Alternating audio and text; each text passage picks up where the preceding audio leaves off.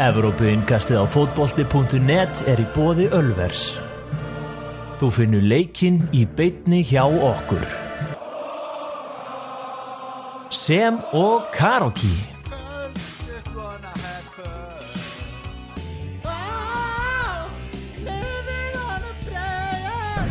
Píla, hún, mjöður, pítsur, hambúrgarar, stemming.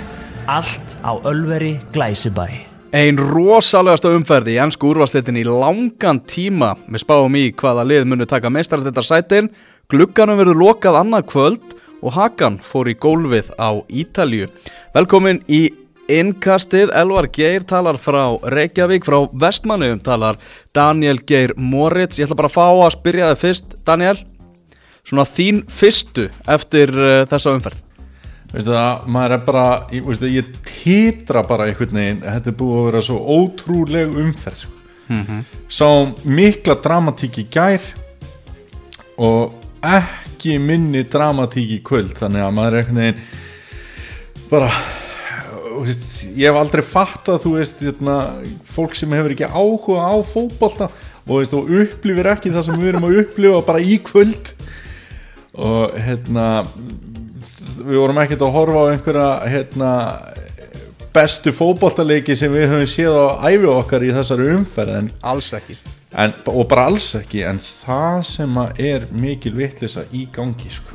Ég var búinn að búa undir það að mæta hérna í þetta engast í kvöld, Daniel Já. og lýsa yfir englandsmeistaratitli Liverpool Já, ég er sammálaðar ég er hjartanlega sammálaðar Hugsaði bara eftir úslinni gær. Bara þú veist 14 fyrir eftir þeir vera með sjöstiga fóristu uh, það má ekki tala um þetta við Liverpool stuðnismenn því þeir halda að ef maður segir þetta rosalega oft þá mun eitthvað gerast og, og, og, og úslitt leikja breytast. En Já, já. ég trú ekki á Jinx.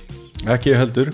Og, og ég var bara, bara búin að búa mig undir það bara byggja stuðningsmenn Liverpool að setja sig í þá stöðu ef hún væri öfug að City væri með sjöstiga fórustu og 14 fyrir eftir þá væri þeir búnir að gefa upp alla von Heru, þessi, þessi ræða og allt saman bara fór í, vaskin því að Liverpool gerði náttúrulega jafntefli á móti Leicester í kvöld. 1-1 í leik sem að það er svo mikið að, að ræðum uh, náttúrulega veðrið.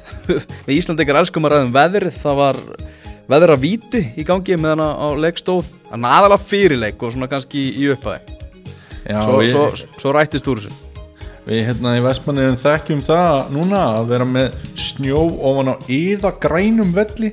Já, það sem að og náttúrulega byrta myndir á fótbolti.net í desember það sem var íða grætt völlur og þetta er nú ekki eitthvað sem við sjáum á hverjum degi í enn skúrastildinni að menn sé að berjast í snjóin en hins vegar þá er þetta ekki eitthvað sem við höfum ekki sé áður. Og hérna ég held að það sé auðvelt að áætla að þessi snjór og hvað völlurinn var erfið viðregnar hafi freka verið að vatna á millu lester heldur en okkur tíman Liverpool með að við svona fótboltan sem að liðin spila. Hann að já, þetta var náttúrulega ekki gott fyrir Liverpool að, að það byrja í, í já, að völlurinn væri eins og hann var sko. En svo bara byrjaði Liverpool og var komið 1-0 bara með að fólk var að fá sér sæti en þá sko. Já já og, og hérna maður hu- hugsaði einmitt til svona setninga eins og þú varst búin að undirbúa bara út frá þessari byrjun Liverpool. Og Sadio Mane skorar þarna bara ágættis mark.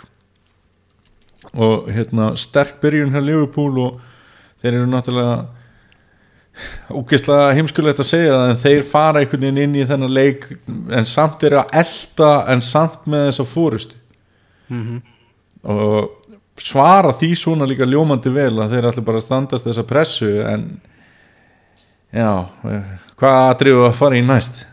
Þetta er svo bara einhvern veginn svona taugatitringin, segi ég í, í bara í leifupúliðinu sem einhvern veginn skapast. Er þetta bara, þú veist, titilpressan vitandi það að þú veist, mannstu sitt í mistegsi í gær þeir eru komnu með fórustun og viti ekki alveg hvað, hvað þeir eiga að gera. Þetta var svona þetta var, það var ekki öryggi yfir spilamennskunni það Nei, nei, við getum tekið kannski tvo póla í hæðina þar. Uh, Lester hefur náttúrulega ekkert verið hímillifandi að að, hérna, sé litið á það sem eitthvað fallbissu fóður í þessum leik og, og hann var alveg pottitt komið inn í hann til þess að sína að þeir eru ekkert eitthvað grínlið og það er ekki ára, dag, ára aldir sem ég síðan að þeir unnu englansmeistaratitilins allar minninga og, og, og, og hérna eru með fullt af gæða köllum í sínu liði þannig að það er eitt punkturinn í þessu og en stærsti punkturinn kannski hjá Liverpool í þessum leik verður að teljast byrjunarlið liðsins sem að var ekki nálægt í að vera sterkast að byrjunarliði þeirra og Nabi Keita enn og aftur með hörmulegan leik. Jordan Henderson þarf að spila í hægri bakverði að því að hann var síðasta spili sem hægt var að draga og hérna e, ég ætla að koma með gaggrinni á, á hérna, Jörgin Klopp og Liverpool bara sem félag e, sem félag, já. Já, að, Ok. ha, að hafa na, lána Nathaniel Klein. Að því að hann kom þarna var búin að taka nokkra leiki ekki, ekki marga og þe- þeir eru teljandi á fingrum, fingrum annara handar og hann er ekki jólasveit hann er ágætur leikmaður og að geta að spila honum í byrjunarliðinu í kvöld til dæmis og vera með Hendersoninu og miðjunni frekar heldur en Keita hefði styrt liði held ég alveg mjög mikið. Þannig að hvað eru þeir að fá með því að lána klæn á þessi tímapunkti þegar þeir eru í byllandi titilbáratu þessi meðsl búin að vera í gangi og tíðrætt hvað Liverpool er með eru nú eru ekki stóran hóp. Þannig að ég veit að það eru margir púlarar sem eru ósáttir við þetta og, og og uh, mögulega hefði hann geta hjálpað með leikin í kvöld.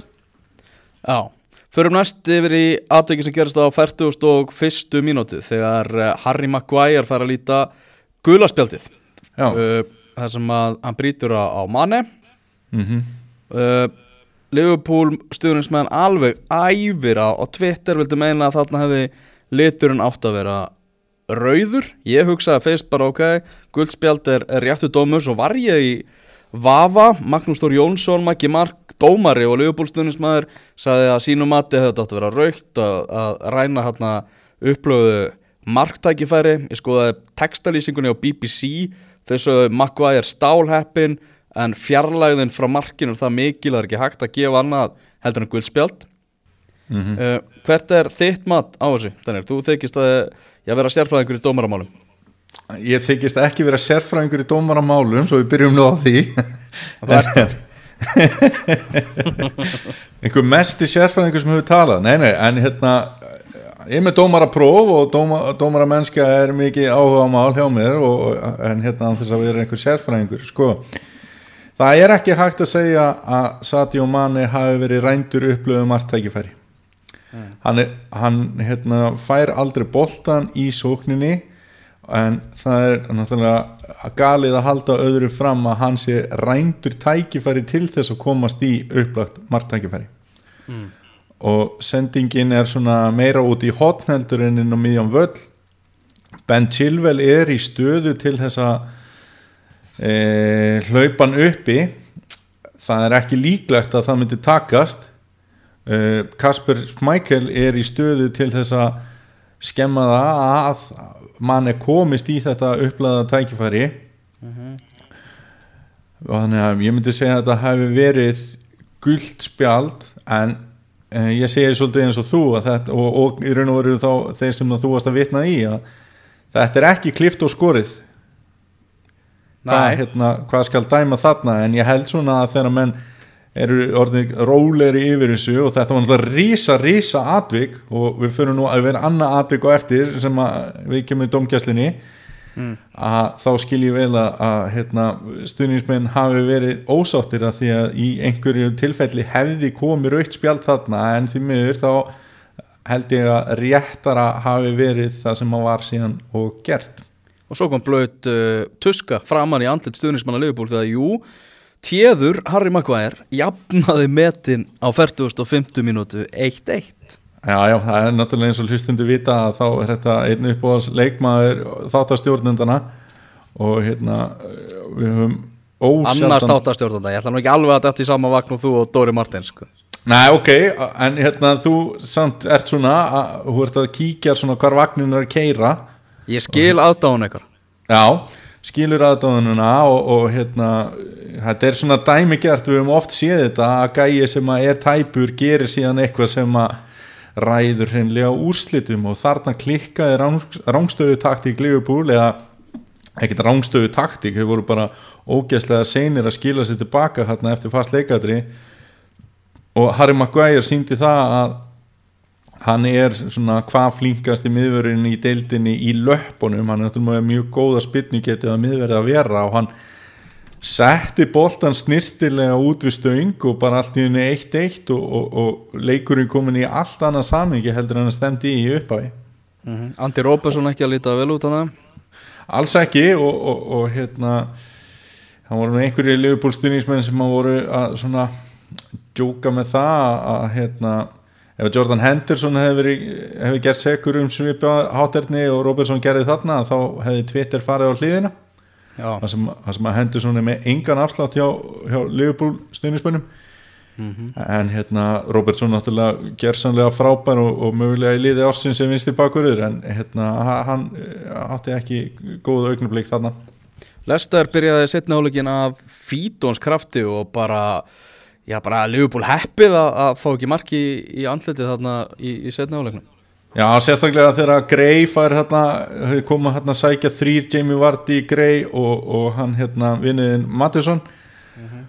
og e, Vardy hafði möguleika á að finna Mattisson en Grey var svona e, opnari, hann, hann sendir á hann, eða að það var auðveldara að senda á hann og í stað þess að taka sénsin og að renna bóltanum fyrir það sem að já, e, já það sem að Mattisson hefði geta skorað auðveld mark þá kemur greið með aflegt skot og, og hérna góður séns fór fyrir lítið en Lester voru, já, þeir, þeir unnu sig virkilega vel inn í, inn í leikin það er alveg óhægt að segja það og voru virkir þáttakundur í leiknum án þess að, ég, ég ætla ekki að fara að segja að þeir hafi verið betri aðilin á einhverjum tímapunkti meðan þeir ekki vera það en hérna síðan náttúrulega kemur Eh, stæsti stóri punktur það er hérna þegar Nabi Keita brýst inn í teg.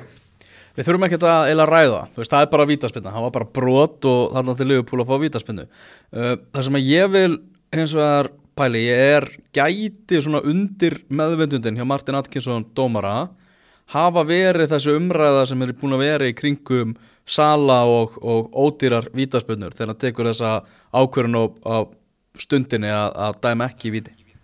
Við sáum náttúrulega ódýra vítaspinni í gær sem að, hérna, við höfum eftir að fara yfir og eftir þannig að maður veit ekki hvað svona fyrir gegnum hausin á þeim en e, ég veit eða ekki af hverju hann dæmir ekki víti. Þetta var náttúrulega ekki hérna, e, hvað var að segja, þetta var ekki mesta snerting sem við höfum séð hann stígur bara klárlega á vona og þetta var víti hvort að umræðan sé að hafa þessi áhrif. Ég, ég ætla nú að, að halda því fram að, að hérna þeir eiga náttúrulega að vera meiri fagmenn heldur en að láta svoleiðis vera að hafa áhrif á sig. Já, ég veit að, en þú veist, það er þessi undir meðvitund, skilur sem, já, að, sem, að, sem að hefur alltaf, alltaf áhrif. En með var þá hefði þetta náttúrulega alltaf verið vítaspinn, þannig að alltaf skoða þetta aftur og hefði komast að því að þetta víti, var víti og ekkert annað Já, ég sammála því og, og ég held að var hefði líka séð að dómurinn með Harry Maguire hafi verið réttur. Hann þegar hann er hann í fyrirhálig þó að hann hef ekki verið augljós og þetta, þessi tvö atvik eh, eru náttúrulega ekta sem hann var hefði öruglega, já, aðstóða virkilega með að taka réttar ákvarðanir. Og ja. í setni ákvarðinni þá er hún bara raung og Liverpool er bara rænt vítaspilni, það er bara það er ekkert sem heitir með það. Náttúrulega sækjandi að vinna ekki Lester á, á Anfield en að finna er að það er að horfa á þetta og hugsa þetta er enn stig unnið í baróttinu við Manchester City. Því að Manchester City tapar sínu leik sem átti náttúrulega að vera skildu sig yfir í gær á móti Newcastle 1-2 þar sem að Benítez gerði, gerði Liverpool greiða eftir, eftir allt saman. Uh, Manchester City er svolítið eins og gamla Liverpool núna er að tapa stigum á ólíklegustu stöðum á móti anstæðingur sem þeir eiga að klára. Og ég sá slatta þessu leiki gær og þeir voru svona kærulausir og ólíkir sjálfum sér í rosalega mörgum sóknum í, í leiknum í gerð svona, ég veit ekki alveg hvað hva var í gangi höstum að Já, maður var náttúrulega mjög þakkláttu fyrir að fá svona fjastýringa kvöld það sem mannsættilegin voru bæðið sínd og ég hefði náttúrulega viljað horfa á mín og menn kannski frekar en það er, önnur umræða en ég er sammálað því að þetta var ólíkt City og þetta er ekki dæmi gert fyrir City og hvernig við þekkjum þá og, og þá kannski fannst mér svona já, eh, þetta eru mörguleiti sambarlegi leikir. Þetta eru svona leikir þar sem að e, liðið sem er ofar í töflunni ætti að vinna og hefði öruglega unnið í, í, ef það voru spilað tíu leikir og unniðið fleiri en færri mm -hmm. og byrja á því að komast yfir mjög snemma ja. byrja leikina rosalega vel það er frekar óvennilegt að lið sem að er í þessu byrja svona leiki vel og tapja þeim niður Ég held að City var að fara að taka þetta bara með tveggjast af að tölur sko Já já og hérna Newcastle hefur náttúrulega sínt að þeir geta alveg búið upp á leik þar sem anstæðingurinn fer hátt í tveggjast af að tölu þannig að ég er ekki þess að og skilja halda það en það sem að mér fannst endurspegla Manchester City best í leiknum í gær bara með að hvernig þessi leikur spilaðist fyrir þá það var að svona traustur þjóðnes og Fernandini og hafi mist hausinn svona undir lokin eða þegar það var vel liðið á leikin þegar Newcastle fæði vítaspilnu og skora segumarkið úr. Að þetta, veist, hvenar það er ekki að, að setja myndband í gang með svona atvikum hjá Fernandinho nema þá bara frá leiknum í gær, veist, maður hefur ekkert séð þetta. Já, já, það er rétt. Þetta er ótrúlega sérstækt og, og þegar þetta klikkar á þessum tímapunkti að þá hugsa maður, herri, það getur á allt klikka í þessum leik. Og það kom á daginn. Uh, Svolítið kaltanislega að hérna, stjórin sem að gera Leopold greiða í þessu mánuði er Rafa Benítez. Mhm. mm hann verður til þess að Liverpool er stí, eh, hérna, stíi eh, með stíi meira í fórskvöld en fyrir þess að umferð þú veist, hvernig hann leggur upp leikin og hvernig hann er að vinna mannstu sitt í, með sitt njúkas og lit stjórin sem að gera Liverpool greiða í desember var, var Roy Hodgson. Það sem að Krista Pallas vann mannstu sitt í líka.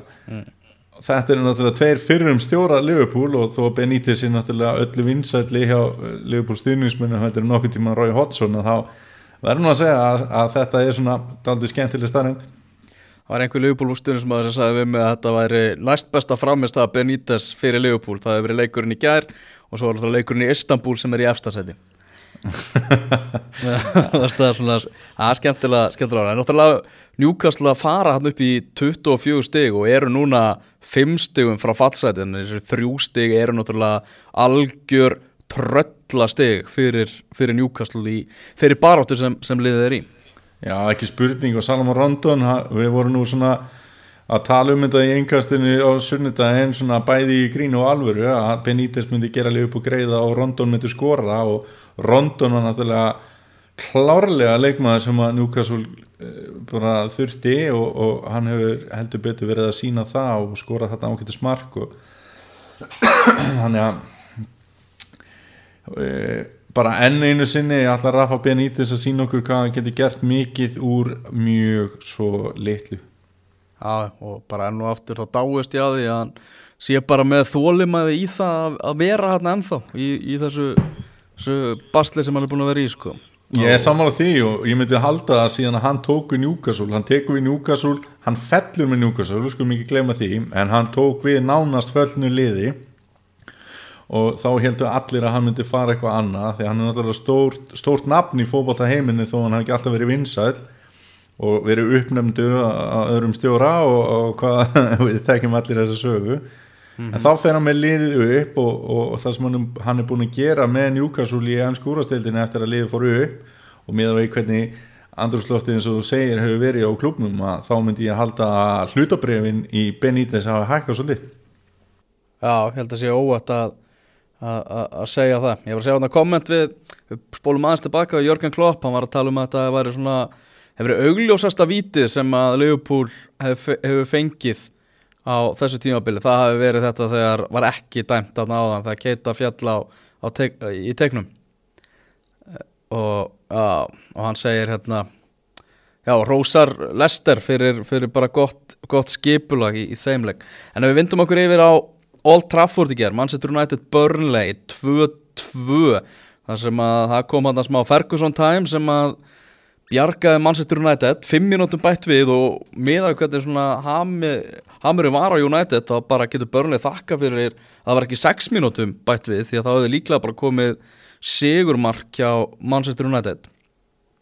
En þetta var uh, já svona já bara vonbriði náttúrulega hjá United þessi, þessi niðurstað fín Björgun svona lenda 2-0 undir en náttúrulega þá að vinna börnlega á, á heimavelli allan daginn og, og einhvern daginn má, má segja kannski að liðið hafi gert ráð fyrir því að, að það yrði bara niðurstað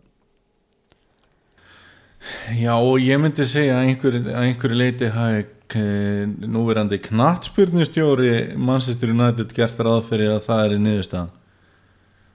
Þegar mér fannst hann Óli Gunnar Solskjær stilla upp skrítnu byrjinali í leiknum í gerð, ég verði nú að segja það Hann eiginlega sko gefur Andreas Pereira þennan leik og þann heldur hann hafi bara efnaði fyrst þetta er börnuleik Já, uh, mér, finnst, mér finnst hann samt ekki vera stóra máli í því. Í, Finnst hann ekki vera Mér finnst hann ekki vera svona stæsta málið í því. Mér finnst bara að setja Lukaku inn Rashford á kantinn og mata inn þannig úr komið miklu hægari sóknarlínu. Mér finnst það vera stærra mál heldur en að Pereira hafi fengið tækifærið Mér finnst algjörlega stærsta málið Andreas Pereira að hann sé að ræri miðjunni og gefa Andreas Pereira sem á bara þú veist Max að fá bara byggarleik í, í byrjunaliði að hann sé að fara að fá að byrja þarna eitthvað. Svolskið talaði um hann hefur verið góður á æfingum og eitthvað. Hann var sko, hann var alveg drastl í þessum legg frá bara uppöða til enda, náttúrulega gefur bara fyrramarkið hjá, hjá Burnley. En byrju, stoppa það hann, hann er bara, þú veist, hann er, hann er auðmur uh, bara með ekkert sjálfströst og, og og bara ræður ekkert við tempóið að kraftin og sendingarnar umulega, það var allt vond við framistuðu Andreas Pereira í, hann var sko augljóslega lang, langlegast í leikmaðan vallar þessi ger Sko ég ætla aðeins að taka upp hanskjöf fyrir hana því að mér fannst þetta mark ekkert bara að vera gjöf frá honum. Meðan Phil Jones sita hann í fáranlega stöðu Já já, Phil Jones sem er nú annað drast Já já, hann er að hérna þó að hann er í svona stærri hluta máli náttúrulega Pereira, hann tapar náttúrulega boltanum og allt það en þá hans með Phil Jones bara svona virkilega styðjan í því að gefa börnlega þetta mark.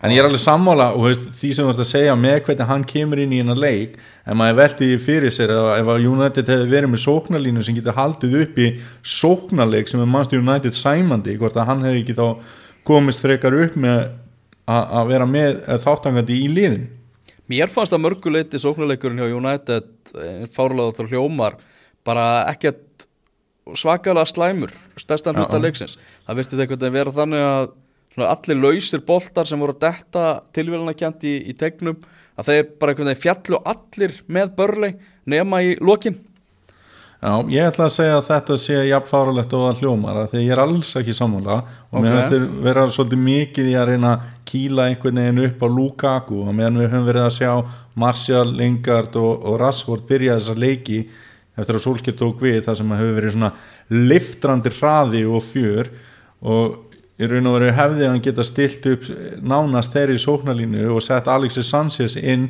í staðin fyrir hérna, Martial sem var tæpur þá, og Sanchez spilaði ágætlega á föstutaskvöldi síðasta þannig að maður hefði bara viljað sjá síninguna halda áfram. Veist, ég held að margir séu svolítið, saman með hvaða liðir halda. Þeir séu svolítið svona Veist, erum við ekki alltaf skotnir í einhverjum ævintýrum? Veist, voru ekki allir tilbúinir að heitlast að lestir ævintýrinu eins og ég bara, ég er asnamaður og við vorum í öðru sæti á þessu tímabili. Maður heitlaði samt á, af þessu lestir ævintýri þannig að maður heitlaði svolítið af þessu sólskeptaði mig líka Já, kannski svona margir í leini Já, og, og, og náttúrulega mjög margir í leini sko.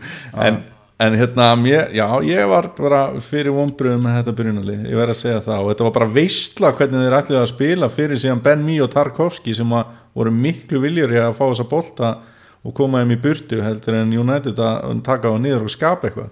Hins vegar má segja það, ef að Rashford hefur kannski skorað úr þessu færið þarna í byrjun sem að hann fær, þá voru kannski með allt annað leiki gangi og, og plani og Solskjær gengur upp en hann skoraði ekki og planið og Solskjaer gekk ekki upp og mér fannst það að vera mikið til út af þessu.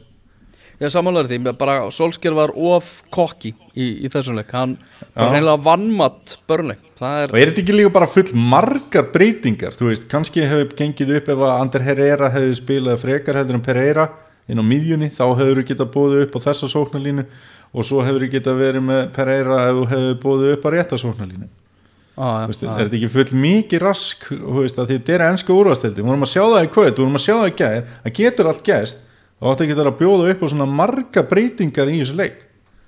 Já, herru, förum, já, en uh, svolítið síndi sig líka, þú veist að tala um Phil Jones sem þetta að, að sama hversu mikla gleði Solskjær kemur með, þá getur hann ekki breytt því að maður eins og Phil Jones er bara gjósanlega enga veginn í standard fyrir liðin svo Manchester United. Nei, og ég skil ekki mér finnst Chris Smalling vera miklu, miklu betri heldur en hann og, og ég skil ekki okkur að hann er ekki að fá þessa leiki og Viktor Lindelöf var að sína það að treyju valið hjá okkur í, í samkvæmisleikni sem við vorum í á sunnudagina, þar vorum við að veðja réttan hest því að hann er bara góður og, og, og, og, og hérna, flottur leikmaður hann er spurning hvort að hérna, hann fara að gefa liðinu eitthvað meira í föstum leikaturinn líka og í sókninni Nákvæmlega. Varst í, varst í treyjunni ger, nýju? Herri, ég er ekki búin að fá mér hana þetta var bara leikur ég veit, fórst þú sem sagt bara á mánudeginum og keiftir alla treyjurnar sem þú talaður um ja. Já, ég fóð bara Jóa og létt bara alveg bara dælus út fyrir mig. Þegar við förum yfir á Wembley þar sem að Tottenham vann dramatískan sigur á móti Watford lengi vel undir í leiknum. Son er komin aftur úr Asíubyggarnum og hann jafnaði 1-1 og svo var það Fernando Lorente hver annar á 87. mínútu. Þetta var fyrsta deildamark hans á tímabilinu og hann heldur betur valdi rétta leikin til að skora sitt fyrsta deildamark. Og ég sá að einhver tóttunarstuðnismæður á Twitter sagði það er allt fyrirgefið, það er bara þannig. Sko ekki nú með það að hann hafi skorað þetta mark heldur þá hérna eh, þá lagði hann upp marki fyrir Son líka. Ok, Þannig að þetta, sko, ég- ég held að við værum að fara að tala um margt í kvöld og við erum nú búin að tala um að öll okkar, allar okkar hugsanir hafa ekki alveg staðist og pælingar og væntingar til þess að þáttar eins og með Liverpool og svona. En í hvaða heimi voru við að fara að tala um Fernando Llorente sem einhverja hetju kvöldsins? Það er bara það er bara, ég veist, það mér hef aldrei dottið það í hug sko. Hann að leysa af hérna Harry Kane. Já. En þú veist bara vel gert í honum og, og seglu sigur hjá Tottenham sem að stemdi mjög lengi vel ekki í og, og hérna Tottenham er eina liðið af þessum topp 6 liðum sem fer kannski svona sérstaklega brosandi eftir sína leiki myndi ég að segja því að þeir eru að ná þessum þremur stigum og þeir eru bara að býða eftir að Harry Kane kemur sem að náttúrulega þeirri þeirra lang hérna, mikilvægasti leikmaður. Og ástæðan fyrir því að ég segi þetta er að þó Arsenal hafi unnið sinn leik líka að þó unnið er 2-1 og heimavelli á móti Cardiff oh, og veist að hérna, fólk í Norður-London Arsenal megin er ekkert að blása í blöðrur út af því? Nei, það er ótt að segja það. En svakaleg viðurreik Bournemouth og Chelsea í kvöld. Bournemouth fjögur Chelsea 0 eins galið og það hljómar. Þetta, er, þetta eru byluð úslit hérna, heldur þú að Sarri klári bara tímabili á Chelsea ja? Ég er ekki viss að því, sá mynda hann sem var tekin hann eftir leik Þetta er náttúrulega búið að vera svolítið einhvern veginn högtandi og, og, og furðuleg ummæli hjá Sarri um Hazard til dæmis Já, og, akkurat. Það var að segja að Hazard vildi fara þá mætti hann fara náttúrulega búin að vera svolítið að gaggrina leikmenn sína og, og svo kemur þessi skellur og mörkin og Bornmóð voru bara ríkalega einföld mörg hver. Uh, annað markið sko manstu þetta David Lewis þegar Þískaland hérna slátraði Brasilíu? Já, já, heldur betur. Sá David Lewis mætti í öllu sínu veldi í öðru marki Bornmóð það hafa, hafa bara trúðatónlistur undir og, og allt sko. Sko Þískaland er svolítið mitt landslið. Ég horfði á þann leik með, með mömmu fyrir austan. Og við vorum bara eitthvað tvö bara að horfa og popp í skál og bara bjóra og fótbolti Ég stóð á stofugólfinu og ég öskraði eiginlega alla leikina þetta er náttúrulega einhver styrlaðasti fótbollaleikur sem ég sé.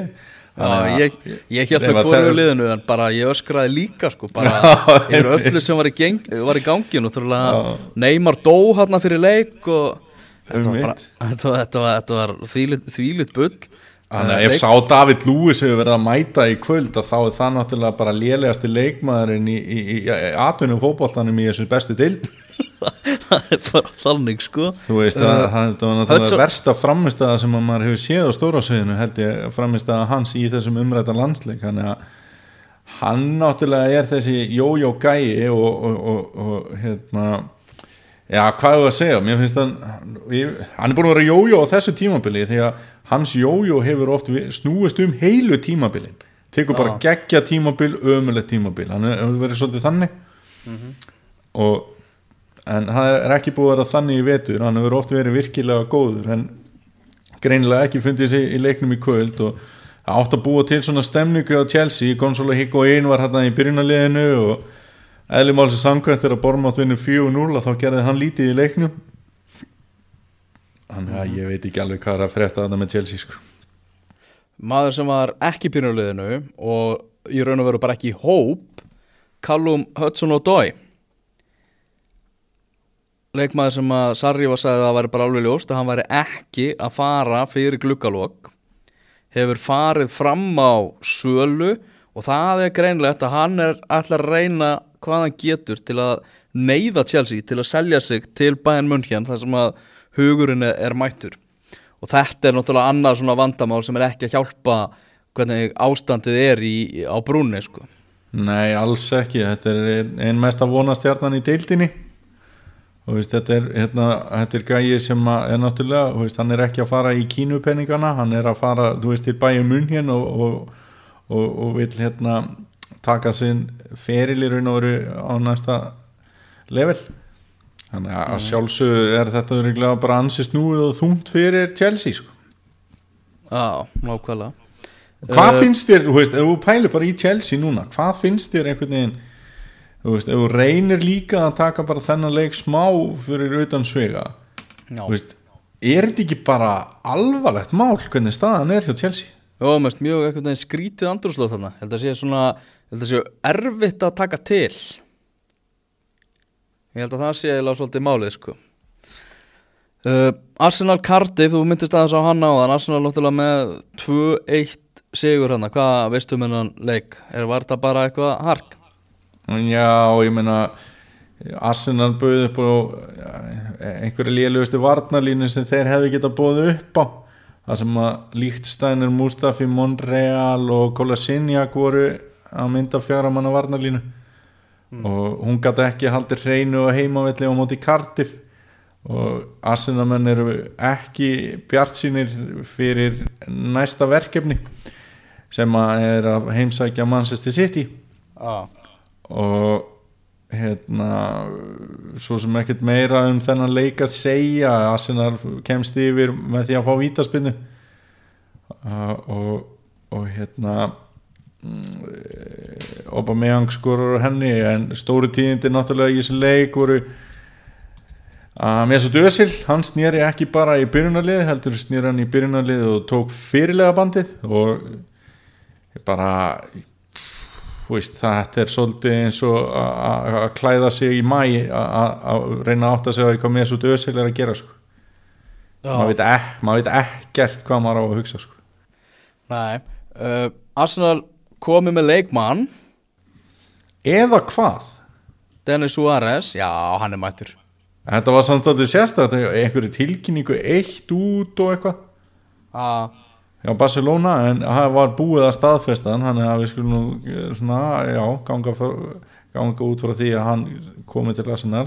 Já, miðjumæður sem að Una Emery þekki nú vel var meðan hérna hjá, hjá Sevilla en það er tal, talið að hann muni svona freka notan á kantinum líklega, hann getur líka spila þar þráttur að miðjan sé kannski svona hans upphálega staða mm. hvað, hérna, þú fylgist nú svolítið með hérna, spánasparkinu og ert svona fræðingur einhversins svolítið þar uh, veist, getur þú líkt þessum gæja að því ég, þú veist, þér nú að vera þekkjan ekkert hann er líka Nei. ekki búin að vera að spila mikið síðan hann fótt í Barcelona, við vitum það Nei, hann er bara- spilað bara slatta leikjum en svona aldrei verið í aðalhutverki hann hefur verið Nei. svona squad player alveg allaveg Akkurat, þú veist þannig að maður hefur ekki séð hann reglulega í heilum leikjum en, en ég myndi ég hugsaði svona hvað asna leikmann er líka hann við og ég með datti hug Santika Sorla Já, ok.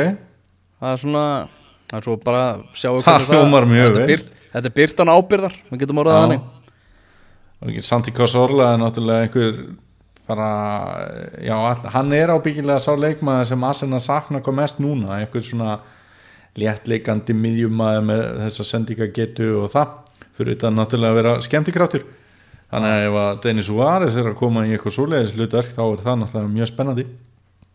Já, það er algjörlega þannig sko. Herri, ég var, með, ég var með eitt á blaði við glimtum því vorum að fara eins yfir United leikin á hann, ég ætla aðeins að fá að spóla tilbaka að því að nú er svolítið talað um dýfur. Og við höfum alveg talað um Mo Salah og það að það var klár dýfa í leiknum í gær þar sem að Jesse Lingard fjall ansi auðveldlega og Sjón Dæs var brjálaður eftir leik. Já. Hvernig horfður þetta við þér? Lengard let sig falla alveg klárt mál. En á hinn bóið náttúrulega þú mátt ekki toga í mann, þú veist það er í tegnum þannig að ótrúlega lélugur varsnarleikur en á bóið leikaraskapur hjá uh, hjá Lingard til þess að krækja í vítaspilna Já, sammála því og getum við farið að sjá hérna, að, að það verði eh, að því að það er ekkert að frétta með að setja menn í bann og svo er náttúrulega spurninga sem er svona, þú veist, gæ- gæti leikmaður farið í bann að því að það er brotið á honum þó hann ígi og hendi sér niður og raun og veru er með tilbyrðið sem er íþróttin ekki til sóma.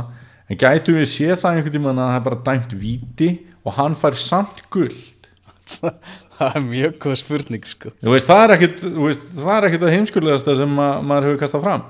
Já, það er svolítið flóki fyrir dómfaran að meta þetta sko. Já, en það væri samt rétt í stuðinu bara með að hvað þeir eru að gera leikmenninni Þú varst að spóla tilbaka, ég, ætl, ég, ætla, ég ætla að spóla eins á Chelsea Já, já, já. Mm já ok, já, ok, skilji. Chris Weiss sem er uh, íþróttafréttamaður hjá BBC uh, hann segir hérna uh, í þessari upptöku þá er þetta dettin á Twitter núna uh, hann segir stjóri Chelsea Maurizio Sarri er ennþá með leikmennina sína inn í klefa. Leiknum lauk fyrir yfir 40 mínútum síðan. Uh, allt uh, starfslið Chelsea er komið út úr klefanum svo það eru ba bara Sarri og leikmennir sem eru inni. Svona rétt fyrst við vorum að pæla hvort það væri eitthvað krísa í, í Chelsea liðinu sko Hversu oft fáum við að heyra eitthvað svona? Já, þetta, þetta, þetta er áhugavert sko. Já, uh, það er hérna er eitthvað meira að fara að gerast hjá Arsenal í klukkanum við vorum að tala um hérna Dennis Suárez sem mættur, það var að tala um að það er ekki útlitt fyrir það að Ivan Perisic og Janne Carrasco muni mæta. Og er þetta alveg dottið út með Carrasco eða? það er talið ólíklegt allavega. Uh, já. Það, það er svona tímin, tímin að hlaupa frá þeim hvað, hvað það var það sko Sko, veistu, veistu al- alveg elvar ég hef nú komið með það samlík, samlíkingu að halda með Arsenal í glugganum er að vera votti á jólunum. Og, og hérna ég er bara núna hæst ánægð með hennar glugga. Bara því að það kom eitthvað það var eitthvað að frétta. Þú veist ég er bara þar. það er bara sattur og sæll svona. Já ég veist auðvitað var ég rosalega gaman að fá Carrasco eða Perisic þú og, og hérna ég, hérna myndi taka því fagnandi og, og náttúrulega ennþá skemmtilega að myndi byrtast eitthvað miðvörður sem er ekki líklegt úr þessu. En, en bara fyrst að það gerðist eitthvað þegar það, þurfti að koma á smá svona róti á hlutina. En ég var búin að undirbúa eina spurningu svona varandi félagaskipti sem að ég ætlaði að henda á þig. Ég, er með, ég með hérna tvo miðverði sem er í toppliðum. Fá ekkert að spila en mjög lítið allavega og eru báðir held ég alveg öruglega samningslausir í, í hérna sumar. Og hann á bara skalanum 1-10 hversu gott miðvarðapar væri þetta í ennskúrastildinni fyrir Garri- hvað félag þá? E, bara fyrir bara uh, lið sem maður getur verið að berjast um þessi já, ég ætla að reyna að kannski segja topp 8 ef, ef, ef ég fæ að slengja Vestham og Everton inn í topp 8 ok. Gary Cahill og Vincent Kompany. Já. Bara þú veist að það, það væri alveg miðvar að para upp á átta. Er það ekki? Jú, Þú myndi taka þá inn í Manchester United ég myndi taka náttúrulega bara alla sem var bara að treysta sér til að Nei, ég meina, að þetta er í jólasveina sko. Sko. Nei, mér er stefnilega áhugavert að, að hérna, um jólin þá voru svo háara rættur um að Gary Cahill var að koma til Arsenal. Ah, og, og, og svo, svo í framhaldinu var hann orðað til Fulham og, og, og eitthvað, mér finnst þetta allt og góðu leikmaður til þess að vera ekki að spila neitt og, og, og ég held að við hefum nú eftir að sjá Vincent Kompany spila í líkil hlutverki fyrir eitthvað lið aftur en hérna, því meður þá virða svona hans dag, dagar vera líðandi lók í treyju Manchester City Hvaða lið enda í meistaratildarsætum? Liverpool, Manchester City, það er staðfest en hver, hvaða tvö lið verða í hinum tveimur sætunum, Daniel? Sko, hérna nú ert þú að sína krókamóti bragði Ah. Að þegar ég kom með þessa spurningu á þig að þetta væri það sem við ættum að ræða í þættinum. Uh, mér finnst Chelsea vera dett út úr þessu. Og uh, Arsenal er núna komið upp fyrir Chelsea. Og Manchester United er þarna já, ég, vá maður. Þetta er Þetta er Liverpool, Manchester City Arsenal og Manchester United Ok, ok. Ég ætla að giska á þessi lið sem er í meistaratildarsætunum núna. Uh, Liverpool vinnur deildina, Manchester City andar í öðru sæti, Arsenal í þriðja, Tottenham fjórða. Já, ok Það er mín spá. Voðalega erum við samt svona neikvæðir í gartóttinum eitthvað í þessu meina, Sko, það skiptir engum máli hvort endi í þriðja, fjórða sæti, sko. nei, nei, nei, nei, nei alveg satt, en ég var meira að segja og veist að gæla við að United myndi komast upp fyrir það sko, það eru nýju stíg Ah. Þetta er fróðlegt. Herðu, síðan er hérna búið að vera hérna talað um eh, varandi Positino og Jörgin Klopp Hmm. Að Jörgin Klopp er hérna e, með Liverpool og hann er ekki búin að vinna neitt og hann haga sér stundum eins og hérna, trúður svona orð sem hefur verið notað á hann ekki frá mér, mér komið bara svo ég haldi því algjörlega til haga og það er talað um svona að hann sé í raun og veru ekkert að gera á, veist, auðvitað, á þetta tímabil eftir að, að enda og allt það en allavega svona fram á þessu hann er ekki búin að vinna neitt og bla bla síðan er talað um að Positino sé svo frábær stjóri. Ok, Positino er með markmann heimsmeistara frakka. Hann er með besta framherja deildarinnar. Hann er með miðvaraparið í belgíska landsliðinu. Og hann er með hvað bestu kallana eða marga góða kalla úr ennska landsliðinu, til dæmis byrjunar bakurinn og, Deli Ali og hann er með langbæsta leikmann Dana En þú ert meðal hans að tala um leikmenn sem hafa bætt sig klárlega undir hans stjórn. Hafa orðið þetta góður undir hans stjórn. Já, já, en við getum kannski ekki talað um að Aldirværeld og Vertongen hafi verið að bæta sig eitthvað undir hans stjórn og, og klárlega ekki Hugo Lloris Hugo Lloris hefur náttúrulega alls ekki verið að spila eins og heimsmeistar á þessu tímabili. Hann var leitt mjög illa út í markinu sem að Votvort skoraði í kvöld.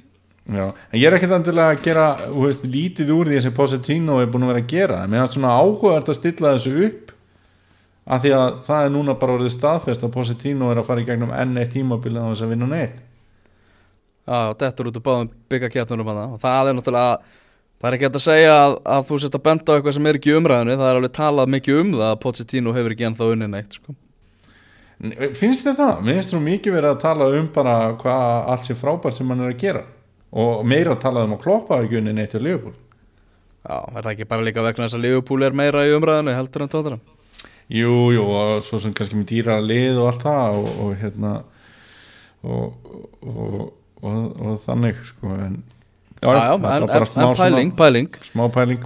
Og það er náttúrulega frábæri stjórar það er, það er ekkert að, að, segja annað Við möttum að skoða hans fjóra leiki í hans skórastildinni Wolfsvinnur 3-0 sigur á móti Vestam þar sem að Raúl Jiménez skorar tvö mörg hann er komið með 8 mörg og 6 stóðsendingar í úrvalstildinni tvö mörg í FA byggarnum þetta er leikmaður sem að Úlfarnir þurfa að halda þessi Mexikói Já, búin að vera virkilega góður og, og, og, og þarna erum við að sjá allt sem hann var lagt upp með fyrir tímabili teka hjá Úls og, og, þegar það gerist með peningana sem voru settir í liðið og þá geta þeir unni nokkur lið í deildinni. 3-0 heimavelli eins og dæmið sanna. Já, og Vestam bara einhvern veginn svona algjört jójó, bara það er bara kastað upp á hvernig framistaðan og úrslitin eru hjá þeim. Já, það má nú eiginlega segja það. Og því miður, að því að mannum fannst svona að vera að koma alltaf svona meiri og meiri stöðuleiki og nú er búið að setla þetta Arnautovits mál hann reynda mittur núna.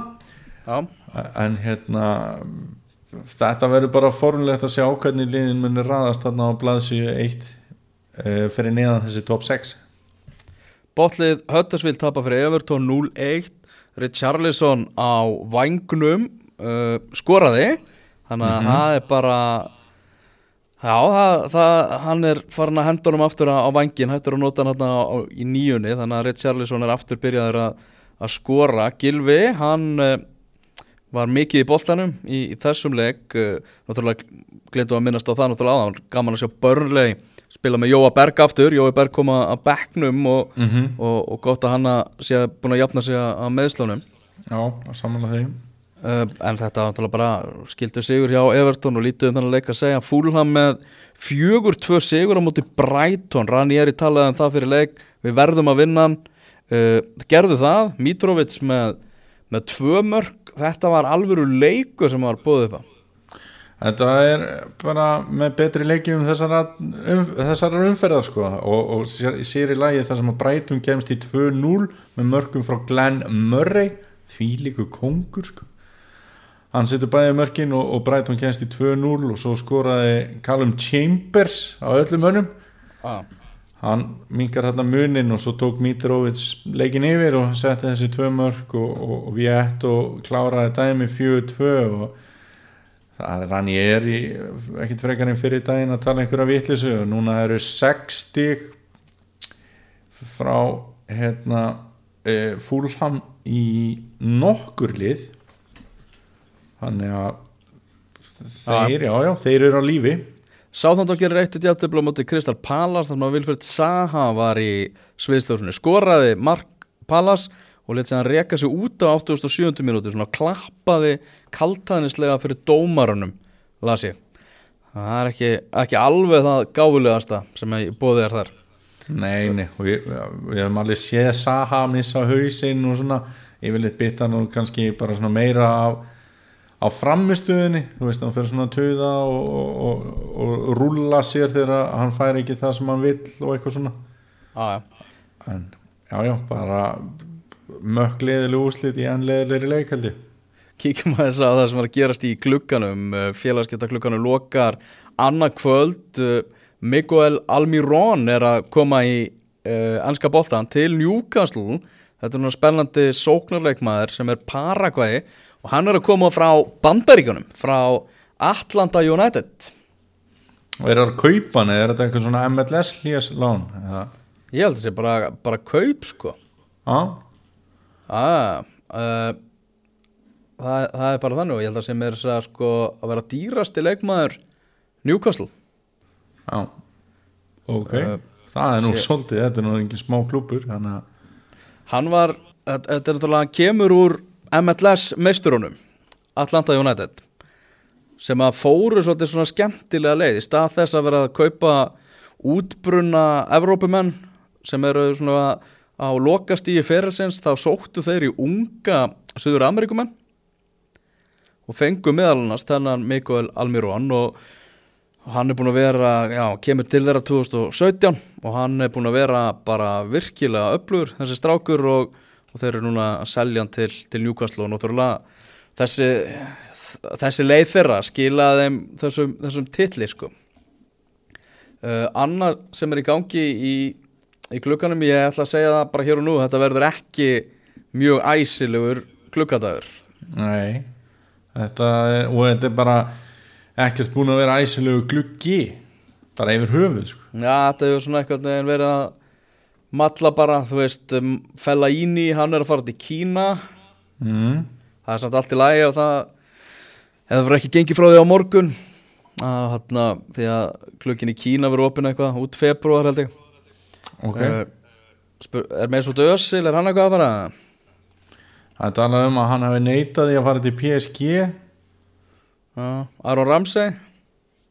Nei, er ekki bara að klappa og klárt að hann fer til Júve bara eftir tímabili Já, það var að tala um Adrian Rabiot að hann sé með Liverpool efst á sínum óskalista persónulega.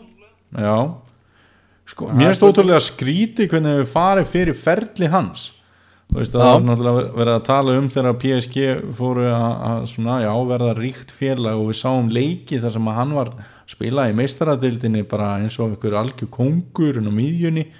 Ógeðslega teknískur og, og svona gat líka dotti í svona karrik að vera á réttum stöðum til að eðalega sóknina fyrir hinum og eitthvað en síðan hefur bara leiðin leið bara niður á við og, og veistu, veist, getur þú sagt eitthvað meira um hennan gæja? Nei, Svona bara bara- orðar við fullta, fullta alvöru líðum og að það er eins og hann sé að velja úr bara öllu sem hægt er að velja úr sko. Það eru miklir hæfileikar er náttúrulega geggjur samkeppni á PSG og, og svo er spurning hvort hann hafi ekki eitthvað bak við tjöldin lent upp á kant við, við menna við erum svona svolítið vera þannig gaur sko. mm.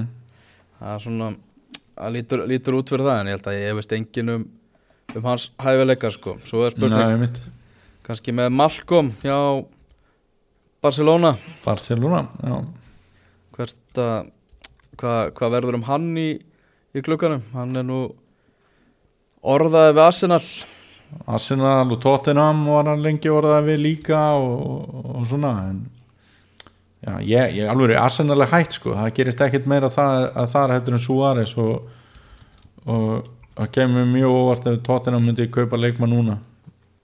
Já.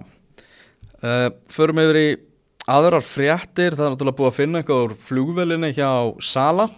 Mm Búið að finna þarna eitthvað sessur sem að fundust við strendur Fraklands úr, úr flugvelasætunum sem er talin vera, vera þann þannig að vonandi fer nú já, bara komi ljós bara hvað, hvað varðu um Sala og, og þennan flugmann. Nants var að spila í kvöld í frönsku deildinu á móti Saint-Étienne.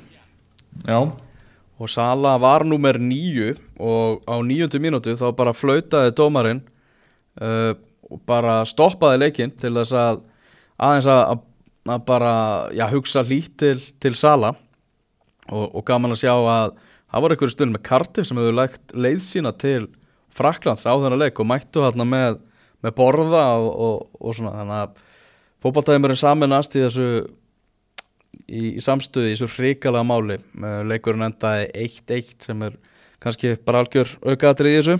Já, já. Uh, stóru úslitin í kvöld uh, voru í ítalska byggarnum og þá er ég ekki að tala um 7-1 sigur Fiorentina á móti Roma heldur ég að tala um 3-0 sigur Atalanta á móti Ítalíumesturum Juventus. Og Juventus hefur verið að taka byggarinn síðustu fjögur ár. Uh, nú eru þeir úr leik töpuðu þessu leik 3-0 og það er eiginlega bara mjög merkilegt. Og, og samt voru þeir alveg með Ronaldo og félaga í, í byrjunarliðinu og, og, og Dybala og, og allan pakkan sko. Chiellini í hjarta vardarinnar og Sjastni í markinu en það er eitthvað smá baslvarandi Atalanta, þeir gerðu 2-2 jafntefli um jólin á móti Atalanta í deildinni. Já, það eru risa tíðindi í, í ítölsku byggarkjarninni en Juventus ekki ennþá búið að tapa leik eins og er í ítölsku aðdeldinni Nei, og náttúrulega vonda frétti líka að Kilini er middur og ég vil tala að hann verði eitthvað frá og að Juventus þurfi kannski að bræðast við svona upp á, á sérstaklega meistaradeildina og fá sér miðvörð Hæ? Það er ekki Bonucci sem er meittur Æ, Kilini meittist í kvöld. Já, er það? Já, ég held að ég sé ekki það, er, það er bara hárrétt hjá þér. Er fyrir út á 27. mínúti Já, það er myndur að tala um að nú þurfa menn í Torino að- hugsa ansi hratt til þess að tryggja sér eitthvað góða miðvör sem getur komið í átökin í meistaradeildinni og annað hjá Juventus Það get grín að fylla skörp Bonucci og Chiellini sko. Þetta er bara einhverju besti miðvörir í heimi sko.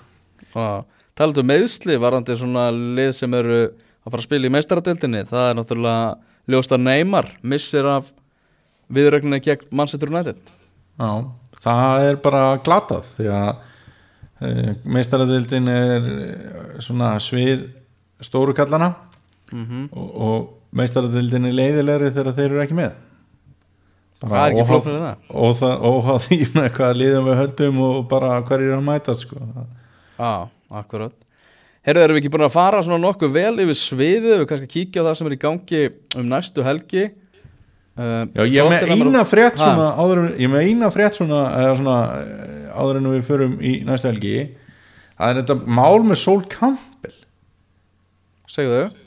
Að að, hérna nú er, er verið að rannsaka hérna stuðnismenn, hann er sem sagt þjálfari Notts County og stuðnismenn annara liða hafa verið að vera með svona nýðglósur til hans og, og, og, og að því að hann á að vera samkynniður eitthvað svona hom, homma söngva með það og það á að vera eitthvað rosalega að fyndi sko uh, mér finnst þetta mál fyrir margar sakir áhugavert.